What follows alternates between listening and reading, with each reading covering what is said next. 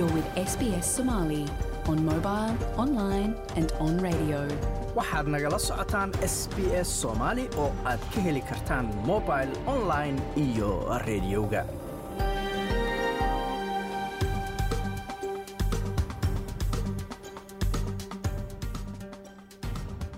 habeen wanaagsan dhammaantiinba meel kastoo aad joogtaan. Waa habeen arbaca bisha julaayna ay tahay shan sannadka labada kun iyo labaatan iyo saddexda halka aad naga dhegaysanaysaanna waa laanta af soomaaliga ee idaacadda s b s oo si toosa idinkaga imanaysa stuudiogaanu ku leenahay magaalada melbourne.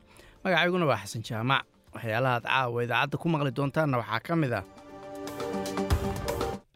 Midnaan mid haddaan midowno waxaan aaminsannahay meeshii la rabay soomaali inay gaari karto. Soomaali waxaan ilaaha uga baryaya inay noqdaan dad isku mid ah isku caloolfiyow hal meel ka soo wada jeesto dhibaatada hal meel ka wada xalliyo in inshaa allahu sanadkan sanadkiisa waxaan rajaynaynaa inagoo joogno waddanka soomaaliya inuu u dabaaldegno koodii luuliyo barnaamijka caawa intiisa badan waxaanu ku soo qaadan doonaa codadka iyo waraysiyo aanu ka qaadnay. Dadka ka qayb galay xafladdii lagu xuseeyey kowda luuliyo oo lagu qabtay magaaladan melbourne maalintii sabtida ahayd. Sidoo kale waxaad maqli doontaan? Madaxweynuhu hadda aan ka iminodna arrintaas waxaan ku jirnaa dadaal in xal loo helo. Waxaan ilaahay ka baryaynaa subxaana wa tacaala soomaaliya dhibku hadda hirshabeelle keliya maahee meelo badan oo ka jira meelaha badan oo ka jira iyaga laftigooda. Ilaahayna waxaan uga baryaynaa inuu nabad ka dhigo waxgaradka iyo siyaasiyiintana waxaan ugu baaqaynaa in la dejiyo xaaladda lagu soo celiyo wadahadal laga fikiro qarannimo soomaaliyeed iyo ummad soomaaliyeed oo waxda qabsanaysa. Waa sheekh shariif oo qayb ka ah warka uu noo soo diray wariyaha iyaga magaalada muqdisho. Marka horese wararka waxaa ugu waaweyn wasiiradda arrimaha dadka dalkan loogu yimid ee indigeneska la yihahdo australia linda berny ayaa ku eedeysay kooxda maya ugu ololeynaysa codka baarlamaanka inay isticmaalayaan siyaasad la mida kuwii donald trump ee kala qaybinta ahaa. Saraakiil maraykanana waxa ay cambaareeyeen toogashooyinkii u dambeeyey ee dalkaasi ka dhaca oo ilaa shan qof lagu dilay goobjoogayaalna waxa ay sheegeen in ciidanka israa'iil ay ka baxeen magaalada falastiin ee jeniin la yidhaahdo wararkaasi iyo kuwo kale ayaad maqli doontaane u diyaar garooba.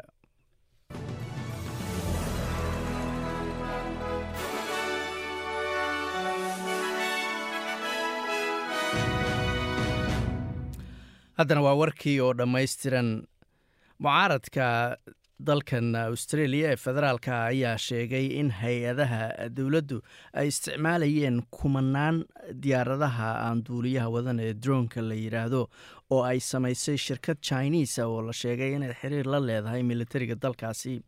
Inkastoo qalabkaasi shirkadani ay samaysay laga mamnuucay dalka maraykanka jason patterson oo u qaabilsan mucaaradka arrimaha amniga internetka ayaa sheegay inay ogaadeen in in ka badan saddex kun oo daroonadaas iyo qalab kale oo ay samayso shirkadda d j i la yidhaahdo ay isticmaaleen ugu yaraan soddon iyo sideed wakaaladood iyo wasaaradood ee dalkan australia ay leeyihiin.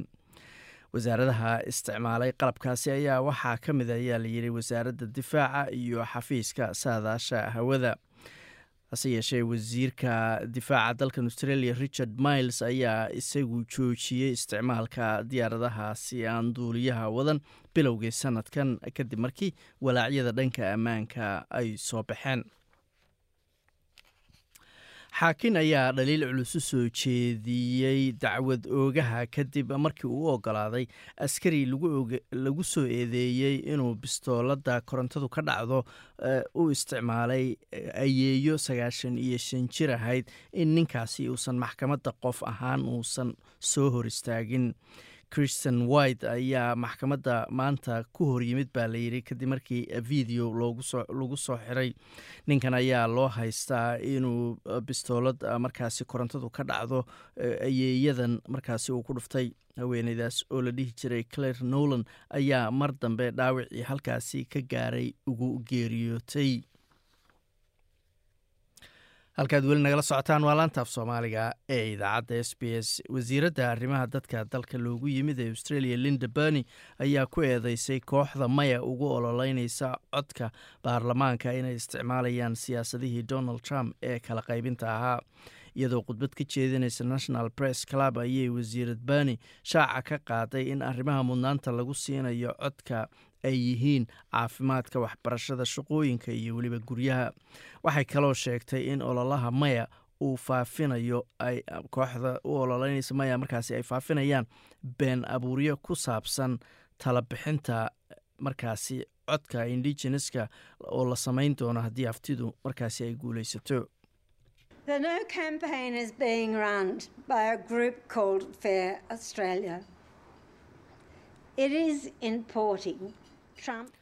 Ololaha maya waxaa markaasi wada koox la yidhaahdo fair australia. Waxaa laga soo dhoofiyey ayay tiri qaab siyaasadeedkii trump. Run lama sheegaya ayay tiri ujeeddaduna waxay tahay in dadka la kala qaybiyo iyadoo been laga shaqaynayo. beentaas waxaa ka mida bay tiri in talada dowladda la siinayo ay saameyn qoto dheer ku yeelan doonto mabaadi'da aasaasiga ah ee ah hal cod iyo hal qayim waa hadal dadka lagu marin habaabinayo ayay tiri. Bartayda bulshadana sidaad qiyaasi kartaan waxaa soo buuxiyey bay tiri. Dad badan oo igu eedaynaya waxyaalo ay ka mid yihiin inaan abuurayo dal midabta koor ah ama midabta koor leh saraakiisha maraykanka ayaa galabta shir jaraid ku qabtay magaalada filadelfiya waxayna cambaareeyeen dilalka qoryaha lagu geysta ama xabadda markaasi laysku dilay dalka maraykanka. Tan ayaa imaneysa kadib markii nin wata qoriga nooca a r ka la yidhaahdo ee xabadaha badani ka dhacaan uu afar nin ku dilay waddada xaafad ka mid a magaaladaasi filadelfiya wuxuu sidoo kale inta uu eryaday uu guri gudihiis ku dilay nin shanaad jim kenny waa duqa magaalada filadelfiya waxaana uu ku boorinayaa in dalku xal u helo sidii loo xakamayn lahaa qoryaha dadka lagu laynayo This country needs to re examine its conscience and find out how to get guns out of dangerous people's hands. dalkani wuxuu u baahan yahay buu yidhi inuu dib u eego damiirkiisa lana ogaado sidii ama la raadiyo sidii dadka khatarta ku ah looga ilaalin lahaa qoryaha. In qof waddada iska maraya oo ku hubaysan qoriga a r uu dadka iska xabadeeyo isagoo xiran jaakadda aan xabaddu karin oo wata sanaadiiq badan oo rasaasa. Waa wax fawaaxisho ah ayuu yidhi. Laakiin caadi ayay arrintaasi ka noqotay maraykanka. Maanta waxaan tegay ayuu yidhi beerta xorriyadda halkaas oo lagu qoray dastuurka dalka xeerka labaad weligeed loolama dan lahayn ama loolama jeedin ayuu yidhi falkan oo kale in lagu difaaco. Xeerka labaad ee uu ka hadlayo duqa magaaladu ayaa waxaa loo yaqaano second amendment oo ah xeer qoryaha ama qoraya in qofku xaq uu u leeyahay inuu hub haysan karo oo ay u isticmaalaan dadka diidan in hubka la xakameeyo. Laba wiil oo laba jira laba jir iyo saddex iyo toban jira ayaa sidoo kale ku dhaawacmay weerarkaasi goobjoogayaal ayaa sheegay in ciidanka israa'iil ay ka baxeen magaalada falastiiniyiinta ee janiin shalay oo talaado ahayd. Kadib markii halkaas ay ka fuliyeen howlgalkii militari ee ugu weynaa muddo daanta galbeed ee ay israa'iil markaasi haysato. Dadka deganaa xerada qaxootiga oo banneeyey xerada intii dagaalku uu socday ayaa hadda bilaabay inay dib ugu soo noqdaan waddooyinka meeshaasi oo mugdi maadaama korontada ay go-an tahay qaarkood khasaarihii ayay markaasi arkeen marka ay soo noqdeen iyagoo isticmaalaya nalka mobile foonada waxayna arkeen burbur badan oo meesha loo geystay. Ashraaf jaradaad oo dukaan meeshaasi ku lahaa ayaa sheegay in waxa israa'iil ay samaysay ay ahayd fal aargoosi ah This is a shoe shop. It does not contain explosives, nor does it contain rockets, a shoe shop that I live off. Kani waa dukaan kabaha lagu gado qaraxyo kuma jiraan gantaale kuma jiraan. Dukaan aan noloshayda ka soo saarana ayuu ahaa isagoo dhan waa ay gubeen. Badeeco ayaa ka buuxday noloshaydii oo dhan ayay burburiyeen buu yidhi. Waxay halkan u yimaadeen oo keliya inay dhaqaalaha burburiyaan. Cid la dagaalamaysay ma jirin oo halkan joogtay. Waa dukaan way qarxiyeen wayna burburiyeen ilaahay ha nooga aargudo ayuu yidhi laba iyo toban falastiiniyiinah oo ugu yaraan shan ka mid ay yihiin dadkii dagaalamayay iyo hal askariya oo israa'iilah ayaa geeriyooday inta howlgalkani uu socday wararka dibadda ayaanu weli ku jirnaaye madaxweynaha ukrain volodimir zelenski ayaa shalay oo talaado ahayd sheegay in ruushku yahay cidda keliya ee khatarta ku ah warshadda korontada nukliyeerka ka samaysa ee ugu weyn yurub ee la yidhaahdo sabrinisia fariin videoa uu habeenkii soo duubay ayuu zelenski ku sheegay in ruushku qorsheynayo inuu sameeyo wax u eg inay ama sidii markaasi warshadda ay u weerari lahaayeen warshadan ayuu ruushku haystay muddo sannada.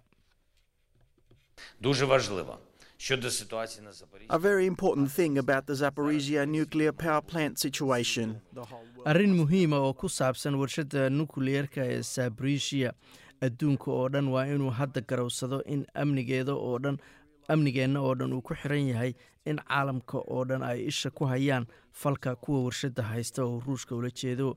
Ruushku waa inuu si cad u garowsado in adduunku u jeedo xaaladda argagixisadu isu diyaarinayso.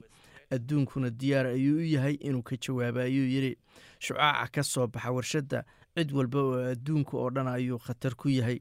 Warshaddan nukliyeerka ka samaysa korontada waa in si buuxda looga difaaco in markaasi ay dhacdo in shucaac uu markaasi ka dhasho ama ka soo baxo. Halkaad weli nagala socotaan waa laantaaf soomaaliga ee idaacadda s b s. Golaha wasiirada dalka new zealandna waxa ay ka fiirsadeen oo ka fakareen kadibna diideen hindise uga yimid dalalka jasiiradaha basifiga kaasoo ay ku dalbanayeen in loo fududeeyo ama la khafiifiyo dhaqdhaqaaqa dadka ee isugu gudba gobolka jasiiradaha basifiga ayaa markaasi dhibaato aba xanimaado badan lagu xiraa marka ay isku dayayaan inay booqdaan dalalka australia iyo new zealand. Halka shacabka ama muwaadiniinta australiyaanka iyo new zealandarku aysan wax dhibaataa wejihin marka ay jasiiradahaasi aadayaan. Isu dheelitir la'aantan ayaa ka caraysiisa wadamo badan oo gobolka ku yaalla iyadoo madaxda bacifigu ay si cad ugu baaqayaan australia iyo new zealand in markaasi kala duwanaanshahaasi wax laga qabto. Bishii la soo dhaafay ayuu ku-xigeenka ra'iisul wasaaraha dalka fiji binam prasad.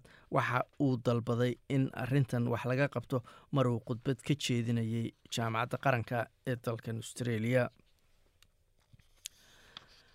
Xoghayaha markaasi guud ee xulafada nato yens stoltenberg ayaa xafiiska sii joogaya ama xilka sii haynaya ayaa layidhi sanad kale oo dheeraada. Xulafadan ka kooban soddon iyo kowga dal ayaa go'aansaday in maer stoltenberg oo horey u ahaa ra'iisul wasaarihii dalka norway uu sii wado xilkan ilaa laga gaarayo. Halkaasaan ku celiya uu sii wado xilkan uu hore u hayay wixii ka dambeeyey labadii kun iyo afar iyo tobankii wakhtigiisa ayaa lagu waday inuu dhammaado sannadkii la soo dhaafay laakiin wakhti ayaa loogu daray kadib markii ruushku weerar buuxa uu ku qaaday dalka ukraine februaayo mr stoltenberg ayaa bartiisa twitter-ka waxa uu ku sheegay inay sharaf u tahay in xulafada naito ay go'aansadeen in wakhtigiisii xogayaha guud loo kordhiyo oo loogu daro ilaa laga gaarayo oktoobar labada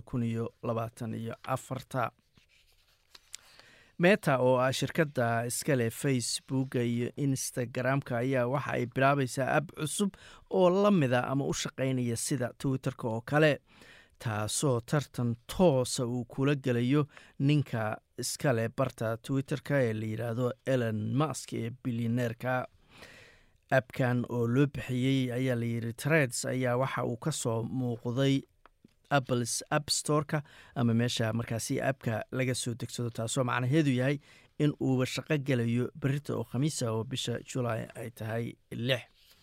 Dhanka isboortigana cayaaryahanka weyn ee brasiliyaanka neymar ayaa waxaa la ganaaxay oo layidhi saddex dhibic saddex milyan oo dollar kadib markii uu jebiyey shuruucda bii-ada ee dalkaasi isagoo ninkaani gurigiisa guri weyn oo uu ku leeyahay dalkaasi dayactiraya gurigaas oo ku yaalla mangaretiba magaalada la yidhaahdo oo dibadda ka ah rio de janerio magaaladaas madaxdooda ama golaha deegaanka ayaa qoraal ay soo saareen. Isniintii waxa ay sheegeen in ninkan afar ganaax oo kala duwan loo jaray oo guud ahaan saddex dhibic saddex milyan oo doolara kadib markii lagu eedeeyey inuu si sharci daraa laag aan dabiici ahayn gurigiisa weyn markaasi uu uga samaystay saadaasha hawada berita oo khamiisa magaalada melbourne waa roobab weliba sii badanaya shan iyo toban digrii sydney inta badan waa cadceed iyo weliba sideed iyo toban digrii halkaad nagala socotaan waa laanta af soomaaliga ee idaacadda s b s maalintii sabtidahayd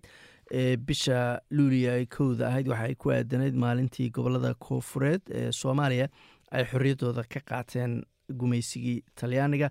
Sidoo kalena ay isku biireen goboladii waqooyi iyo kuwii koofureed haddaba xafladda ballaaran oo lagu qabtay magaaladan melbourne ayaan ka soo qaybgalayaashii iyo dadkii qabanqaabiyey. Markaasi ku weydiinay su'aalo ku saabsan maalinta xorriyadda waxa ay uga dhigan tahay. Qeybtan hore ee barnaamijkeenna waxaa noo bilaabaya uweys. Magacayga waa awood sheekh muxudiin amiin waxaan ka mid ahay odayaasha jaaliyadda soomaaliyeed ee gobolka victoria gaar ahaan magaalada melbourne. Maanta waxaan u dabaaldegaynaa koodii luuliyo oo ah maalintii soomaaliya xorriyadda ay qaadatay islamarkaasna ay midoobeen somalilan waa maalin macnaa aadna ugu weyn oo sharaf leh oo runtii oo habboon in loo dabaaldego meel kastoo ay soomaaliya joogto soomaali runtii dhibaatooyin badan ay soo mareen laga soo bilaabo mataa waagii gumaysiga ilaa iyo maanta dhibaato badan ayaa ka jira. Waxaan ilaah u rajaynaynaa mataa dhibaatooyinkaasi oo ka mid ah dhinac macnaha wax bini'aadamku abuuray iyo wax rabbaani ah sida fataxaadda ama abaarta. Dhibaatooyinkaasina way jiraan mid kalena way jirtaa xagga nabadgelyada oo ah mataqaana qolaba qolo ka soo jiida qolo diin adeegsanaysa qolo qabiil adeegsanaysa qolo mataqaanaa awood isbeday haddii aan midowno oo annagoo dhan isku meel aan ku soo wada jeesanno soomaaliya way nagu filan tahay way naga badan tahay. Maanta soomaaliya waxay u baahan tahay hoggaan habboon in ummaddu ay kala dambeeyaan wixii dhibaato jiro in la xalliyo waxa keliya lagu xallin kara maaha qori caaradiisa in lawasi yimaado oo wixii dhib jiro laga wada hadlo oo la xalliyo soomaaliya waa waddan hodan ah. Ilaaha ku manaystay xoolo macdan bad beri beer mid kasta. Maanta waxay ka mid tahay soomaaliya waddamada ugu hodansan africa ayay ka mid tahay. Waxay keliya u baahan tahay inaan heshiino isku meel aan ku soo wada jeesanno waxaan aaminsanahay haddii aan heshiino aan isku meel ka soo wada jeesanno ina barwaaqada qof kastoo meeshiisa asoo jooga inuu ku dhergayo maanta dad badan ayaa gaajo u dhimanaya ha u dhintaan dhinac cudur ha u dhintaan ama wax kale ama dagaal ha ku dhintaan. Waxuu dagaal faa'iide leeyahay ma jirto. Dagaal hadduu faa'iide leeyahay waa soo aragnay dagaaladii sokeeyey waxa maanta halkaana keenay maanta inaan ku dabaaldegno mataqaana magaaladan melbourne waa dhibaatada soomaaliya ka dhacday. Annaga iskeena uma soo bixin tuuriista uma imaanin laakiin dhib baa naga soo kaxeeyey waddankaasi dhibkaasina waxaad mooddaa weli inuu jiro oo dad badanoo tahriib ku dhimanaya dhallinyaro badanoo tahriib ku dhimanayso waddanka haddii la midoobo wax tahriibi lahaa wax dhoofi lahaa ma jirto. Annagoo dhan waxaan jecelnaha waddanka inaan ku soo noqonno oo waxqabadkiisa inaan ka qayb galno carruurteenna inaan soo celino. Laakiin sida la sheegay ilaayo hadda weli nabadgelyo habboon kama jirto. Inkastoo meelaha qaarkood runtii la ammaanay oo haddana maataqa dhibaato ka soo qaad dhibaatooyinka aaday u badayiin daraaday ahayd balaaway ka dhacday ceelbarday ka dhacday awdheegley ka dhacday walnaweynay ka dhacday garowey ka dhacday somalilan laascaanooday ka dhacday. Maxay faa'iido leedahay? Anigu unbaa isdilayn dadka isdilayna yaa waa ku dhimanaa meesha soomaali. Dagaal wuxuu faa'iido leeyahay ma jirto hadduu faa'iido leeyahay. Kun iyo sagaal boqol sagaashanka ilaa iyo maanta sidaasaan isu dilaynaa. Ilaa hadda wax horumar gaari ma jiraan. Waddada keliya horumar lagu gaari kara waxay tahay aqoon kala dambeyn iyo midnaan mid haddaan midowno waxaan aaminsannahay meeshii la rabay soomaali inay gaari karto. Soomaali waxaan ilaaha uga baryaya inay noqdaan dad isku mid ah isku caloolfiyow hal meel ka wada jeesto dhibaatada hal meel ka wada xalliyo. In inshaa allahu sanadkan sanadkiisa waxaan rajaynaynaa inagoo joogno waddanka soomaaliya inuu u dabaaldegno koodii luuliyo maasha allah jazaakum allah khayr. Xasan aad baad u mahadsantahay dadaalka aad muujinayso s b s runtii si fiican mataqaana hawsha ay u wado oo dhiirigelin hal iyo jeer arrimaha bulshada mataqaana door weyn baad ka qaadatiin.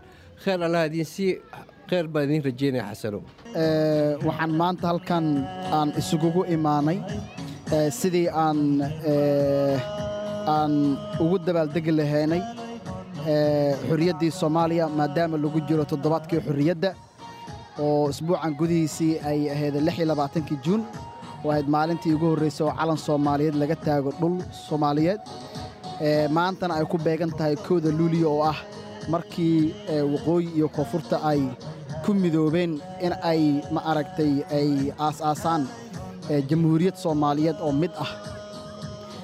Lix iyo saddex sano waa lixdan iyo saddex sano kadib waxaa maanta farxad ah in aan ku naaloonayno waa hawshii ama efedkii tirada badnaa oo nafhurinimada lahaa oo aabbayaasheen ama ma aragtay halgamayaashii ay u mareen inay dalka soomaaliya ay ka xoreeyaan gumaystihii. Waa farxad. Mar kastana waa halkan aan isugugu imaannaa ama adduunkao dhanba iyo soomaaliya ka dhacda in maaragtay la dabaaldego oo la xuso halgamayaashaas maadaama kooda luuliyo iyo lix labaatanka juun ay tahay taariikhooyin soomaaliyeed oo mar kasta ay tahay in la xuso. Laakiin nasiib darro maanta waan waan aragnaa ma aragtay halka aan marayno. Marka la fiiriyo sannadihii aan xurta ahaynay oo dawlad ee inoo aas-aasneed iyo ma aragtay burburkii kadib waxaa runtii badan sannadaha aan burburka ku jirno. Marka waxaa mar kale loo baahan yahay in aan soomaali annaga oo mid ah aan mar kale inaan isku imaanno aan ku heshiino calankaas iyo dalkaas si ma aragtay aan mar kale dalkeennii uu u noqdo dal adduunkao dhan karaamo ku leh oo meel kastana ma aragtay aan tusaale u noqono afrika inteeda inteeda kale. Insha allah taana waxa ay ku xihan tahay soomaalida iyo siyaasiyiinta iyo sida aan annaga ugaaga midho dhalinno oo aan ugu heshiinno siyaasadda iyo dalka. Magacaygu waa ibraahim cabdullaahi cali anigu waxaan u ahay waxaan hoggaaminayay qaybta volonteeriska ah oo maanta abaabulayay kowda luuliyo in lagu qabto magaalada melbourne victoria gobolka victoria ee waddanka australia. Marka ka soomaali ahaan kolley maalinta waa maalin weyn. Waa maalin mudan runtii inaan xusno oo hiddaheenna iyo dhaqankeenna iyo taariikhdeenna baan ku faanno si aan ubadka yararka oo meelahan ku dhashayna ay u arkaan inay maalin leeyihiin soomaaliyeed sidoo kalena aan soomaalida isu keenno oon u midayno waayo maalinta waa maalin aan wada leennahay. Maalin cid gaara ay leedahayna ma aha. Gruub gaarana ma laha. Waan u mahad celinayaa runtii ururka soo abaabulay. Iyagu waa urur way isku dayeen inay hawsha ay agaasinkeeda sameeyaan laakiin waxa dhisaya oo muujinaya oo wax ka dhigaya inay maalintan maalin la wada xuso ay noqoto waa dadka volonteeriska oo wakhtigooda huraya. Aad baan ugu faraxsanayn tiro badan hadda maanta oo soomaaliya iyo carruuro iyo dadyo kaloo ajaaniba oo madaxa ay ka soo qayb galaan oo ay nagala qayb qaabtaan maalintan agteenna ku weyn. Magacay waa siciid shiinleh waxaana ka mid ahaa odayaasha jaaliyadda. Waxaana aad maaragtay ugu faraxsanahay san walba inay jaaliyadda soomaaliyeed ee australia ay gaar ahaan victoria ay qabtaan isku imaansho lagu xusiyo maalintii taariikhiga ahayd halgankii l ay ku gaartay guushii soomaaliya inay midowdo midnimada soomaaliyana iyo xorriyaddii soomaaliyana. Halkan lagu xuso waa taariikh maaragtay ebed aan naga harayn marka waxaan rajaynayaa in halkaan laga sii wado jaaliyadda soomaaliyeed victoria inay ayadana halkaa ka sii waddo bulshada soomaaliyeed waa u baahan tahay. Maantaoo kale waa maalin taariikhi ah marka waxaan rajaynayaa inay hore u sii wadaan baan maaragtay ku dhiirigelinaya ku boorinayaana.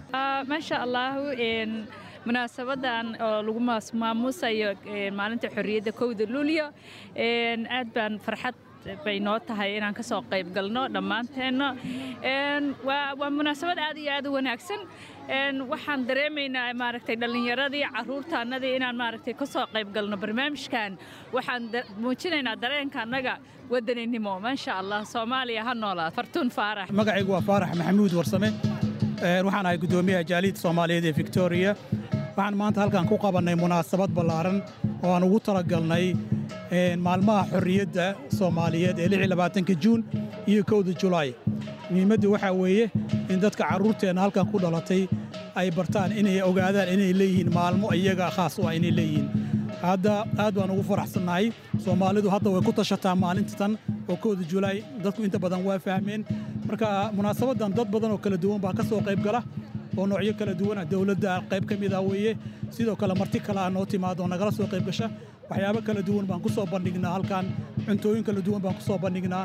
Marka alxamdulilah wedarka xoogaa ayaanta maanta naga yara xun laakiin inta kale waxaan rajaynayaa si qurux badan inay noogu dhacdo haddii ilaa aydmo waxaan rabaa inaan u mahadceliyo qof walba oo barnaamijkan ka qayb qaatay dadka volunteeriska ah iyo sidoo kale dadkii gacanta naga siiya arrinta tan oo debartimentiyadu ay ka mid yihiin iyo melbourne city council waxaan rabaa inaan u mahadceliyo sidoo kale dhallinyaradii volunteerska oo shaqadan runtii adag qabtay iyo iyo hay'adihii kale oo iyagana gacanta naga siiyey. Idaacadda s b s-na qaybtada afka soomaaligana waan u mahad celinaya iyadana. Aad baa u mahadsantiin. Magacayga waxaa lahaa sahre cabdi aadan. Waxaan ku noolahay australia gaar ahaan melbourne victoria. Maanta waa maalin noogu weyn waa maalintii kowda luuliya maalintii isku soo wada baxnay ilmaheenna carruurteenna dadka dhan soomaaliya o dhan isku imaatay. Aadaan ugu faraxsanahay sida loo soo qabaqaabiyey laiskugu soo dabaruday. Communitigeena waxaa u mahad celinaya special faarax oo soo qabaqaabiyey howshaan dhan. Aad iyo aadaa ugu mahadsantiin. Adnigana waa mahadsantaa naga soo qayb gashay. Magacayga waa amrad guuleyd aadaan kaa macad celinaya soomaaliya waxaan leenahay de ha guulaysato. Ilaahay nabadna ha ka dhigo. Insha allah biidni illaah waana u ducaynaynaa ina nabad iyo ammaan inay weligood ku waaraan insha allah hadda weli waxaa ka socoto dhibaato badanaa soomaaliya ka socoto. Ilaahay waxaa ka baryaynaa madaxweyne daacad ah ilaah inuu siiyo. Ilaah waan u duceynaynaa dadka weli rafaad badana hadda weli sicid barar badanna wuu jiraa soomaaliya marka ilaah waa u baryaynaa ilaah inuu nabad ka dhigo annagana waddankeena u laabanno meel fiican ilmaheena u ceshanno insha allah tacaala waa rabnaa ilmaheyna inaan waddanka ku celinno. Maanta waddan waddankeena ma aha inkasta oo na lagu soo dhoweeyey laakiin waddankaagii hooyo. Wax kaaga fiican maanta ma laha. Marka insha allah ilaahay guul hana siiyo insha allah waddankeenaan ku soo noqonno. Ammaan iyo nabadgelyaa u baahannahay waddankii. Marka khayr iyo khayraan rajaynaynaa insha allah soomaaliya haddadaas la jooga haddii wax ka bedel lagu yidhaha maxaa ka bedeli lahay madaxweyne daacad ah inuu ilaahay siiyo. Ani waxaan ka bedeli lahaa ammaanka ammaanka wax muhiim oo bini'aadanka bini'aadan wuxuu u baahan yahay ammaan. Meel risaas oo maxaan ku rahdaa seef nabad ahayn. Dee qof bini'aadan ku noolaan kara ma jirto. Nabadaa wax weyn ah. Marka waxa kalena gadaal dambey ka imaan lahaayeen gadaal dambea ka dhisi lahaa. Horta nabadaa namba wan igu ahaan lahaa. Nabadda maxaa hortaaganaa isleda dee waa dadkii oo maxaan ku rahdaa heshiin lah oo laysku darayo iyo qabaalnimada qableedada layska dhaafo. Ha aan midowno soomaali waa soomaali. Kulli soomaali aan nahay. Soomaali soomaali waaye aan midowno qabyaaladana iska dhaafno. Waxaana kala dila waa qabyaalad waxaa u malaysaa qabyaaladda inay ka sii dartee dadka la sii kala fogaaday marka ilaah ha isku keenkeeno ilaah qabyaaladana maskaxdeena ha ka bixiyo. Hal soomaali aan noqonno oo hal calankaas naga dhexeeyo. Ilmiya maanta dhanle qabyaaladnimo ma yaqaanaan. Marka waddankii haddaan ku celinno oo waxaan ay soo arkaan wayba soo cararayaan. Markii dadkii waxaan u malaynayaa dee this era inaan joogno inaan qabyaaladnima waxaas dhan maskaxdayna ka titirno. Magacayga waa maruum maxamed salaad. Aad baan ugu faraxsanahay. Maanta inaan ka soo qayb gaalo somalia independent day oo weliba aan calankii soo suro federation square-ka meeshaas oo uu ilaa berri surnaan karo. Qofkii raba wuu soo arki karaa.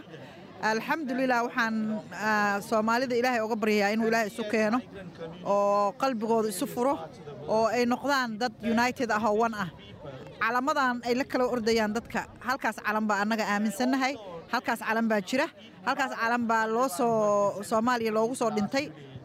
Dad badan baa dhiigooda dhulka ugu daatay. Marka waxaan rabnaa in calankaas sare loo qaado in united la noqdo in qabiilqabiilka iyo waxa cuqdada iyo waxa aan jirin la iska daayo. Oo soomaali waa soomaali isku mid baan nahay isku meel baan ka nimid. Caloosha hala isu furo dagaalka iyo rabshadana hala joojiyo naga daaya aan ku jirnaa sanadkan. Meeqa sana dagaal uu socdaa. Marka hala joojiyo dagaalka. Wixii waddanka naga soo saaray baa maanta haddana dib loogu noqday. Marka waxaan ilaahay ka baryayaa inuu dadka qalbigooda isu furo. Waxaan joognaa kowdii luuliyo. Baan joognaa. Maanta aan imid. Allaahu akbar. Anigoo safar baan anugu ahay. Reer maraykan baan ahay.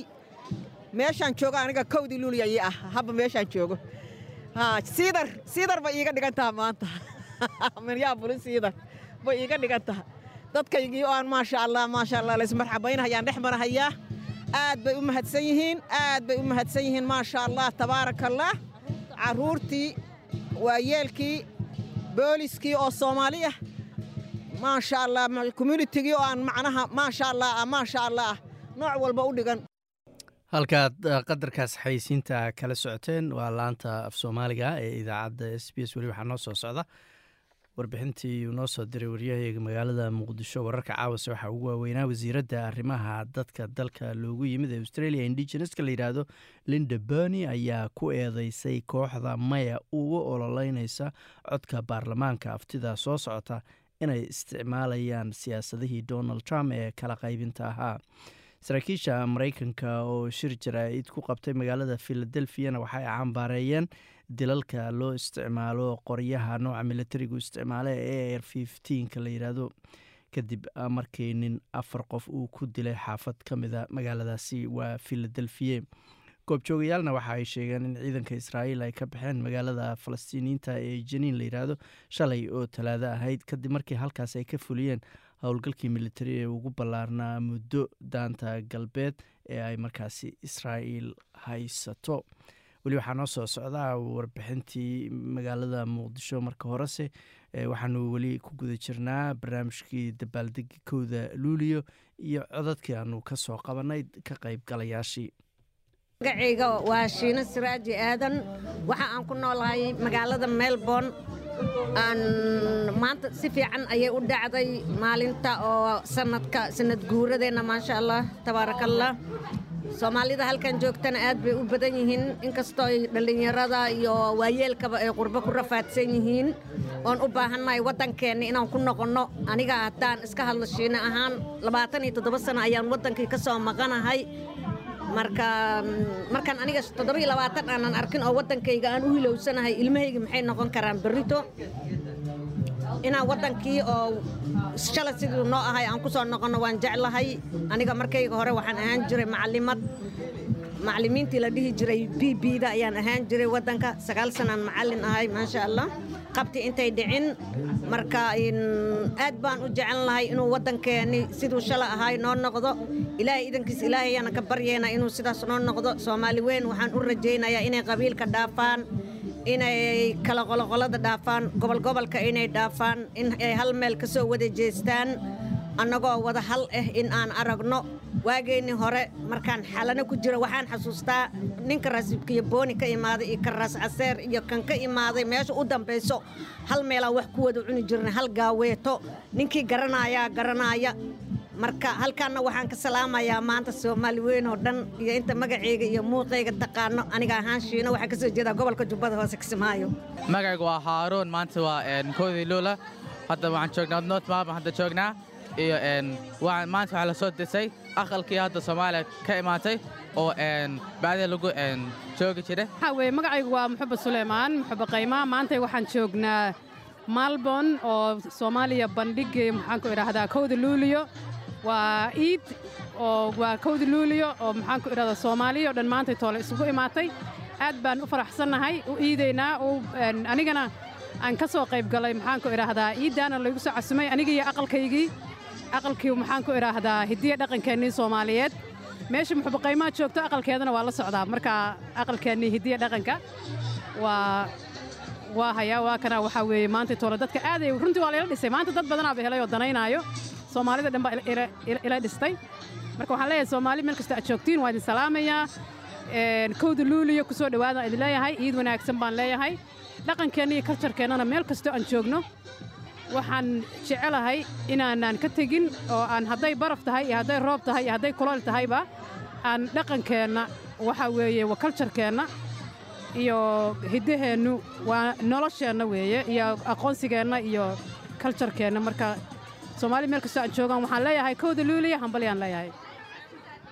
Alaabta aqalka aa ku soo bandhigtay maxaa ka mid ah? Aqalka waxaan ku soo bandhigay maanta oo ka mid ah ratigii oo halkaan raran oo maxaanku idhahdaa haamihii saaran yihiin reer kudhaan buu diyaar u yahay. Waxaa aqalkii oo raradii mariiman dirmihii maxaanku idhaahdaa dhiilihii kabaddii aloolkii weynbaarkii. Runtii aqalkeennii wax ka maqan oo aan dhihi karo wuu ka maqan yahay ma jiro. Intabana waxaan ku sameeyey australia ku sameeyey. Soomaaliya kama keenin. Waxaan isticmaalay cawskii australia oo power grass iyo kangaroo grass la dhaho. Waa cawska australia caanka ku tahay ee kangaruuga cuno dhigaha waxaan ka isticmaalay oo aan ka sameeyey geedahoodii oo geed ay wilow dhahaan wilow- tree. Marka geedo badanoo australia waxaan arkay waddankeenna iyo geedaheennu isku eg tahay. Marka sidaasaa igu dhalisay inaan dhaqankeennii aan horta ku dhiirado aan soo saaro. Markaad maqashid soomaaliya ee, reerku waxay guri ka dhigtaan teendho ee, dhiilihii iyo haamihiina waxaa laga dhigay kuwo bira oo dibadda ka yimid. Alla taas haba igu soo qaadinba. Waxaa weeye hadda waddankii markaan u laabtay waan soo arkay asagoo dadkii ay teendho yar u dhisan tahay. Caag caanaha lagu shubanayo haantii haan bir ah biyaha lagu waxaysanayo oo marna biyaha lagu soo dhaansanayo marna bariiska lagu karsanayo hilibka. Haantii baan soo arkay sidaasa marka haantii waa la yaab iyadoo laftirkeed marka runtii dhaqanka quruxdiisu waxay ahayd raarkii iyo dhigtii iyo aloolkii iyo kabaddii intaas oo gacan lagu sameeyey markii la issaaro aqlaba daryaalaha lag- laga dhiso bay horta ku qurux badnay dhaqankii. Xataa waxaa tegey oo aan soo arkay afkii baa naga tegey afkii wuu dhammaaday. Afka shayga dhammaada marka haanta dhammaato oo duugowdo oo biyaha daadiso waxaa la dhahaa haanta boos baa la dhahaa haan boos ah. Waxaan soo arkay isagoo la leeyahay haantaa way macaanaatay taleefonkii waa iga macaanaaday. Marka waxa weeye macaanaana hada- hadallo dambe oo la yaab leh. Oo maanta ha- haanta macaan ma iska haysataa baa idhahdaa maya waa calashaan boos bay noqotay. Marka magacii soomaaliga xataa wuu dhumay. Sababtaa waxaa keenaya dee caaggii magacu u kululaadu malaha lahaayo u dhammaado marka maadaama halkaasay waa macaanaatay iyo ay ka imaatay. Runtii marka dhaqankeennii afkeennaa ku jiray. Haddaan dhaqankii aan iska dhuminno afkeennana wuu naga dhumayaa. Dhaqanku kulligiis wuxuu ahaa wada afkeennu ahaa marka waa ku soo dhowaynaya runtii. Waxaan leeyahay dadka waddankii jooga jaanisaa wila haysatiin cawskii ha la beero geedaha yaa la jarin. Dib ha loogu laabto. Hooyooyin badanoo wax samayn yaqaanaa jira oo farshaxan ah iyo gabdho yaryar. Marka dadka wax samayn yaqaanayna dhaqankii ha laga faa'iidaysto. Haddii kale wuu naga dhumayaa oo dhaqankeennii wuu naga dhammaanayaa hadhowtana wax noo samayn doona. Dad kol aniga inta ila egay afartan- afartankii sano u dambaysay dhaqankii hoos hoosu u socday marka waxaan rajaynayaa inaa dib loogu soo laaban doono dhaqankeennii Um, magacaygu waa ayaan cabdi. Maanta waxaan imidnay onko maxay ahaydee somalian independent day. Um, ha dharkan xidhanahay waa waa dhaqankii soomaalida aqalkii soomaaliga. Waxaan dareemayaa nacam inaan joogo waddankii markaan cawskii yaraa quruxda guriga dharkayga waxaan dareemayaa inaan gurigii joogo. Marka alxamdulilah annaka wax weyn bay noo tahay. Insha allah waxaan rajaynayaa inaan sannadka soo socda dadkoo dhani soo wada xidho waxaas oo noqono dad muuqdo oo maasha allahya haddii alla yidhaahdo waxaan ka soo maqnaa imika laba bilood ka hor baan ka yimid. Laba bilood ka hor. Tii dhammaanaya markaad baadiyaha tegtay waxaad arkaysaa baadiyihiioo sida dadkeenna caadiga u nool oo weelalkii bedelay een, maxaanku yidhaahdaa alaabihii aadhiga lagu raaci jiray lagu lisi jiray geela lagu rari jiray wixii oo dhan sii dhammaanayo oo caagado la dhaafsanayo dhiilihii jirinba oo markaad tiraa cawskii aaway waxaa lagu odhanayaa dhalkama abaarka ma jirto lagamana faa'iidaysanayo marka roobku doo cawskii oo bax cawskii lama samaynayo marka waxaan rajaynayaa dhallinyarteennana inay noqon doonto dhallinyaraan ku tababarno dhaqanka waxaa looga qaban karaa haddaan isku tagno waan samayn karnaa. Hal qof hadduu bilaabo labaa ku soo mid baa ku soo biiraya haddana saddex. Waxaan aaminsanahay anigu waxaan noqon karnaa dad adagoo dhaqankooda haysan kara oo guryaha ka soo bilaaba weliba oo talabaad anigu waxaan oran lahaa hooyooyinka anoo la hadlaya guriga af soomaalian kaga hadalo number one. Guryaha aan iska dayno sharaxaadda maaragtay dukaanadan ka soo iibsanayna ee dhaldhalaalka badan leh. Aan ku sharaxno een, kabaddii cawskii aloolkii waxaasaan ku sharaxno si carruurteennu u xasuustaan dhaqanku wuxuu yahay. Waayo waddankani wuxuuna baray shayga dhaqan la yidhaahdo macaanka iyo wanaaggu leeyahay. Laakiin marka aad wixii aad lahayd aad dhaqanku lahayd aad weydid waxaad noqonaysaa qof iska iska lumay oo kale. Alla wax weyn. Wax weyn bay iga dhigantaa waaban tirsanaa waaban sugi kari laanahay intaan intaan noqonayno. Waayo waa maalinta kale hatee laysku yimaado maalinta kale hatee aan dareemayno maalintaan xor noqonnay. Stiil xor baan nahay laakiin haddana waxaan rabnaa inaan xornimada aan soo noqonno. Sii badanno. Magacaygu waa axmed maxamuud maxamed axmed odowaa waxaan ka mid ahay jaaliyadda reer australia melbourne. Maanta waa maalin aad iyo aad u qiimo badan. Waa kowdii julaay maalinka calanka qaadannay dadka reer australia ama reer melbourne meel kasta isaga yimaadeen waxa maanta isku yimida carruur iyo waayeel iyo gabdho waa soo xusayo maalinta qiimaha badan ee qiimaha weyn ugu fadhiisto dadka soomaaliyeed. Dadka marka runta laga hadlo kowda julaay ama juun waxay ku fadhisaa qiimo weyn. Waa maalintay s w l iyo tiimkoodii ku guulaysteen ayagoona hub haysan inay waddanka xoreeyaan ay il iyo goon iskula hadlaan. Taasna waxay keentay miraha maanta guranayno. Aad iyo aad ugu faraxsanahay maantay. Dad fara badanna ka soo qayb galay. Jaaliyadda madaxdeedii meel kasta joogto. Dumar iyo rag gabar iyo wiil waa isku yimaadeen. Waxaan leenahay maalinta qiimaha badan aad baan ugu faraxsannahay Aan- waxaan halkan ugu mahad qabanqaabayaasha jaaliyadda magac kastay maqaam kastay leeyihiin dadka soomaaliyeed. Waxaan leeyahay dadka soomaaliyeed guul hambalyo ilaahay waxaan ka baryayaa sanadkan sanadkiis kala barwaaqo iyo ixti- is-ixtiraam iyo dad ina dadkeennu isku ixtiraamaan dowlad fiican helno hadda tajirtana ilaahay inoo hagaajiyo. Aad iyo aadaan mahadcelinayaa asalaamu calaykum. Aad iyo aada u mahadsan tahay xasan. Marka maanta oo ah kowda luulyo waa maalin xasaasi ah oo ah maalintii aan qaadannay xornimada. Marka meel kastoo aan joogno mar walbaba inaan xasuusanno in ay tahay maalin eh, awoowayaasheenni ay u soo dhinteen oo loo soo dhibaateeyey oo aan u soo galnay maxaa la yidhaahdaa loo soo galay howl halgan dheer oo aanan hadda meeshan aan uga sheekayn karin. Marka muhiimaddu waxay tahay inaan xasuusanno oo aan maxaa la yidhaahdaa meel walboo aan joogno maalintaas qiimaha ay noo leedahay inaan ka xurownay maxaa la yidhaahdaa gumaystihii. Aan ka xurownay markii loo eego haddana taariikh ahaan waxaan ku jirnaa waddamada ilaa dagaalamay daqiiqaddii ugu dambeeya oon weligood aan qaadan in la gumaysto. Marka waa maalin aad iyo aad noogu weyn marka inaan xasuusno meel walbo aan joogno haddaan tahay maxaa la yidhaahdaa adduunyada meel walbo aan ka joogno. Marka inaan arko calankeenni oo babanayno oo buluug ahaa waa yacni wax lagu farxo. Marka aad iyo aad ayay u qiimo badan tahay. Aad iyo aadaan ugu faraxsanahay inaan ka soo qayb galo. Qabanqaabiyaasha soo qabanqaabiyey xafladdan ayagana aad iyo aaday u mahadsan yihiin. Marka waa maalin aad iyo aad u qiimo badan. Marka xasan aad iyo aadaa u mahadsan tahay ka soo qaybgalkaada iyo codka aad iga qabatay. Halkaad weli nagala socotaan waa laanta af soomaaliga ee idaacadda s b s muuqaalo iyo fideoyo aanu ka soo duubnay barnaamijkaas. Waxaad sidoo kale ka daawan kartaan barta facebooka aanu ku leenahay iyo sidoo kale markaasi barnaamijyadana waxaad dib uga daalacan kartaa website-ka iyaga waa www s b s com a u xariijin soomaali Thank you.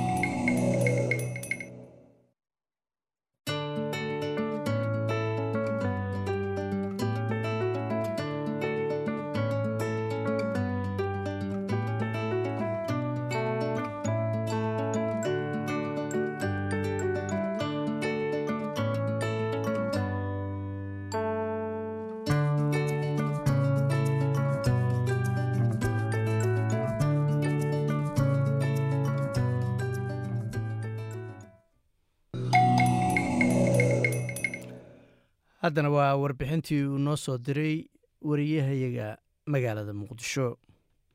Madaxweynihii hore ee soomaaliya shariif sheekh axmed iyo ergeyga gaarka ah ee madaxweynaha soomaaliya u qaabilsan xasilinta iyo ilaalinta arrimaha rayidka ee goobaha dagaalada maxamed cabdi waare ayaa ka hadlay xiisadda u dhexaysa beelo walaalo ah oo wada dega deegaanada hirshabeelle kadib shir jaraa'id oo ay muqdisho ku qabteen madaxweynihii hore ee soomaaliya shariif sheekh axmed ayaa sheegay in aan la aqbali karin xiisadda dagaal ee u dhexaysa beelaha walaalaha ah ee wadadega gobolka hiiraan islamarkaana ay waajib tahay in arrintaasi lagu xaliyo wadahadal maadaama ay yihiin dad deris ahaa muddo aad u fog oo ay wax weliba ka dhexeeyaan. Shariif ayaa sidoo kale waxa uu taageeray dadaalo uu sheegay in madaxweynaha hirshabeelle cali guudlaawe uu ka wado halkaasi kuwa uu xal loogu raadinayo xiisadda dagaal ee u dhexaysa beelahaasi sharafka iyo dadnimaduna waxaa waaye deris dhowrka. Dadka boqolaal sano deriska ahaay ee abti iyo aysin ah ee wax walba ka dhexeeyaan hadduu dagaalku u joogo boqol sano ka hor meeshuu joogi jiray. Macnaheeda waxay tusaysaa inaan kor loo qaadin dhaqanka iyo isdhexgalkii loo baahnay. Meeshaas dagaalla ka soo noqnoqon jiray xilligii maxkamadaha gaar ahaan xilligii muqaawamada si fiican loo dhex galay waa la xalliyey. Dadkaasu nabaday ku wada noolaan falilah alxamdu dadkii waxaas ka shaqeeyey iyo waxgaradkeena hadda waa joogaan. Intaas waxaa sii dheer maanta hadda deegaankii maamula ka dhisan anigii madaxweynahaba waa la hadalnay madaxweyne cali guudlaawe. Runtii waxuu noo sheegay inuu u diray wafdi oo meesha tegaya soo kala xalliyay arrintaasna arrin aad iyo aad u fiican waa ku hambalaynaynaa madaxweyne guudlaawe. Laakiin waxaan rabnaa inaan xoojinno nabadda iyo deris wanaagga. Waa wax ay ka wada macaashayaan beelaha dhan oo meesha degan wixii khilaafana dadku inay intay wada fadhiistaan si ahalnimo leh u xaliyaana loo baahan yahay. Marka inaan la aadin dagaal oo nabadda la aado nabadda la xoojiyo taas waa midda aan xoogga saarayno. Taas maxay u fiican tahay? Dad iyagu isdirirsan oo dhibaata u dhexayso oo isdilaaya horumar ma sameeyaan. Dhiigga muslimkana meeshuu ku daato barakada ka tagta. Waana aragteenaan u malaynaa hadda. Soomaalidana hadda dhibka ugu badan marka wax yar dhacaan waxa aan ka fikirnaa inaan wax dilno. Wax fiicanna ma ah boqol dariiq oo wax lagu xalliyaa jirta oon dil ahayn. Marka in la aado in la aado nabad oo aan dagaal la aadin. Madaxweynihii hore shariif sheekh axmed oo ka sii hadlayay shirkiisa jaraa'id ayaa hoosta ka xariiqay in iminka dalka uu ku jiro dagaal ka dhan ah al-shabaab oo ay tahay in laga qayb qaato sida uu yidhi isagoona dhanka kale ka hadlay khilaafka siyaasadeed ee iminka ka jira maamulka hirshabeelle iyo maamulada kale ee dalka. Qodobka labaad waxaa waaye dagaal nagula farad yeelay oo aanan ka baaqsan karin ayaa nagu furan muxuu yahay dagaalka al-shabaab. Midaan kuwa meesha jooga iyo kuwo kaleba aan kala kasaynin oo inuu ku dilo kaliya loo soo diyaariyey oo aan waxba ku weydiinaynin kaasaa jooga haddaaba marka rag tahay oo tabar haysid xagga aad kaas biiri kaas wax ka qabo. Dalkan waxaa la rabaa dhiigga bilaashka ku daadanaya inuu istaago. Maxaa yeele soomaaliya intay isdilayso horumar ma samayn karayso. Taas markaan ka gudbo hirshabeelle guud ahaan baryahan khilaafadaa ka jira culaysaa ka jira. Maxay ahaato ayadana waxaan rabnaa hawsha dhulka in la dhigo laga wada hadlo. Maamul sidiisaba haddii ay cilladu timaado fadhi iyo wadatashiyaa lagu turxaan bixiyaa. Marka fadhi iyo wadatashi in lagu turxaan bixiyo oo lays ogolaado oo wixii khaldan farta la iskula fiiqo wixii wanaagsan oo ay tahay in laga shaqeeyana laga wada shaqeeyaa loo baahan yahay. Marka iyadana baaqaas guud ayaan aan ku jeedinaynaa. Runtii aniga iyo madaxweyne waare iyo dadka deegaanka ka soo jeeda iyo madaxweynuhu hadda aan ka iminodna arrintaas waxaan ku jirnaa dadaal in xal loo helo. Waxaan ilaahay ka baryaynaa subxaana wa tacaala soomaaliya dhibku hadda hirshabeelle keliya maahee meelo badan ka jira meelaha badan oo ka jira iyaga laftigooda. Ilaahayna waxaan uga baryaynaa inuu nabad ka dhigo waxgaradka iyo siyaasiyiintana waxaan ugu baaqaynaa in la dejiyo xaaladda lagu soo celiyo wada hadal laga fikiro qarannimo soomaaliyeed iyo ummad soomaaliyeed oo waxda qabsanaysa oo ka fikiraysa horumar iyo inay waxda qabsato. Maxaan ku idhaahdaa haddii hadda dagaal sokeeyo oo wax taraayo soddon sanaan ku soo jirnay. Waxba sooma kordhin. Qof dhinta iyo qof dhaawacma iyo guri burbura iyo hanti burburta iyo qaxa laga dhaxlay. Intaasoo ay sii dhowr tahay su'aashii aakhiro dhankiisii ergeyga gaarka ah ee madaxweynaha u qaabilsan xasilinta iyo ilaalinta rayidka ee goobaha dagaalada ahaana madaxweynihii hore ee hirshabeelle maxamed cabdi waare ayaa isna halkaasi ka hadlay isagoona codkiisii ku biiriyey in xiisadda wadahadal lagu dhammeeyo keliya waxaan rabaa inaan idhaahdo ummadda soomaaliyeed guud ahaan gaar ahaan dadka ehelka ah oo walaalaha oo hadda xoogaa shaqaaqadaas laga soo sheegay. Soomaaliya maanta hal dagaalaa nagu furan dagaal labaadu meel uu nooga bannaan yahay ma jirto. Carab iyo ilkaa iskugu dhowaa layidhi waa isqaniinaan. Waxba meesha kama jiraan. Iyo dhib ma jiro. Dhihi mayno. Tabasha hadday timaado oo weliba dad waaweyn oo akhyaaro ay wax tabtaan tabashadooda in loo garaabo oo laga haddii ay mudankeeda leeyahay laga jawaabo oo mudankeeda mataqaanaa la siiyay mudan yihiin. Laakiin waxay ku mudan tahay si qabow oo walaalnima oo ehelnima oo derisnima in looga in looga wada hadlo. Hadalka madaxweynahan u dhaafa aniga hal kelmad leen ku soo gebagabaynaya war niman yahow dagaalaa nugu furan. Hal cadowaan leennahay shabaabaa la yidhaah dhaqan waa noo diiday. Waxbarasho waa noo diiday. Dugsi qur'aan waa noo diiday. Masaajid waa noo diiday. Wax walba waa noo diiday. Shabaab dagaalkiisa ninkii magaaladan ka xoreeya ay ag taaganoo aniga hadda saasaa la yeela melihi laakiin dagaalaa nugu furan markii annaga wax yaro ay iska keen qabtaan oo laba riyood iska keen hertido inaan isku soo bururnoon isku dhiiranaanno shabaab markuu soo saftana aan meelan ka baxna la waayo dhaqankaas horta aan iska beddelno annagu cadow aan leennahay cadowga horta noo yaalla kaas waaye wixii ka dambeeya dadkeedii waa joogaan dadkii dadkan wax kala dhihi lahay. Waa joogaan dadkii soo dhaqi jiray. Waa joogaan dadkaas waa la kala xallina waana la kala dhaqa. Si kastaba shirka jiraa'id ee shariif iyo waare ayaa imaanaya xilli ay isa soo tarayso xiisad colaadeed oo ka taagan deegaan lagu magacaabo xalfooley ee dhacda xuduudda labada gobol ee hiiraan iyo shabeellaha dhexe halkaasoo odayaasha labada dhinac ay warbaahinta isu marinayeen hanjabaadyo iyo hadallo dhiilo xambaarsan. Waxaana xusid mudan in madaxweynaha maamulka hirshabeelle cali xuseen guudlaawe halkaasi uu u diray guddi si arrinta xal looga gaaro.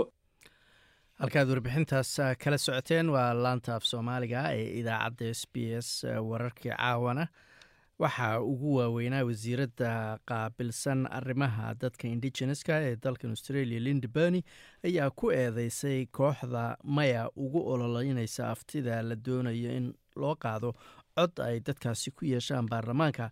Ayaa waxa iyadoo ayaa sheegtay markaasi inay isticmaalayaan siyaasaddii donald trump ee kala qaybinta ahayd saraakiisha maraykanka oo shir jaraa'id ku qabtay magaalada philadelphiana waxa ay cambaareeyeen dilalka ku soo badanaya dalkaasi ee qoryaha loo isticmaalo gaar ahaan kuwa caadiyan militarigu ay isticmaalaan ee a r fiftiinka la yidhaahdo tan ayaa imanaysa kadib markii afar qof uu ku dilay nin qorigaasi isticmaalayay. Goobjoogayaalna waxa ay sheegeen in ciidanka israa'iil ay ka baxeen magaalada falastiin ee janiin la yidhaahdo shalay oo talaado ahayd kadib markii halkaas ay ka fuliyeen howlgalkii militari ee ugu weynaa muddo daanta galbeed ee ay israa'iil haysato. Xogayaha guud ee xulafada nato jens steltenbergna waxaa xafiiska wakhtiga loogu dheereeyay sanad kale xulafadan oo soddon iyo kow dal ka kooban ayaa go'aansatay in master stoltenberg oo horey ra'iisul wasaare uga ahaa dalka norway uu xilkaasi sii wato xilkaas oo uu hore u hayay laga soo bilaabo labadii kun iyo afar iyo tobankii. Idaacaddeenii caawana intaas ayaanu ku soo gebagabaynaynaa waa anigoo ah xasan jaamac oo inile intaas iyo nabadgelyo waa inuu habeenka jimcada haddii uu eebbaydmo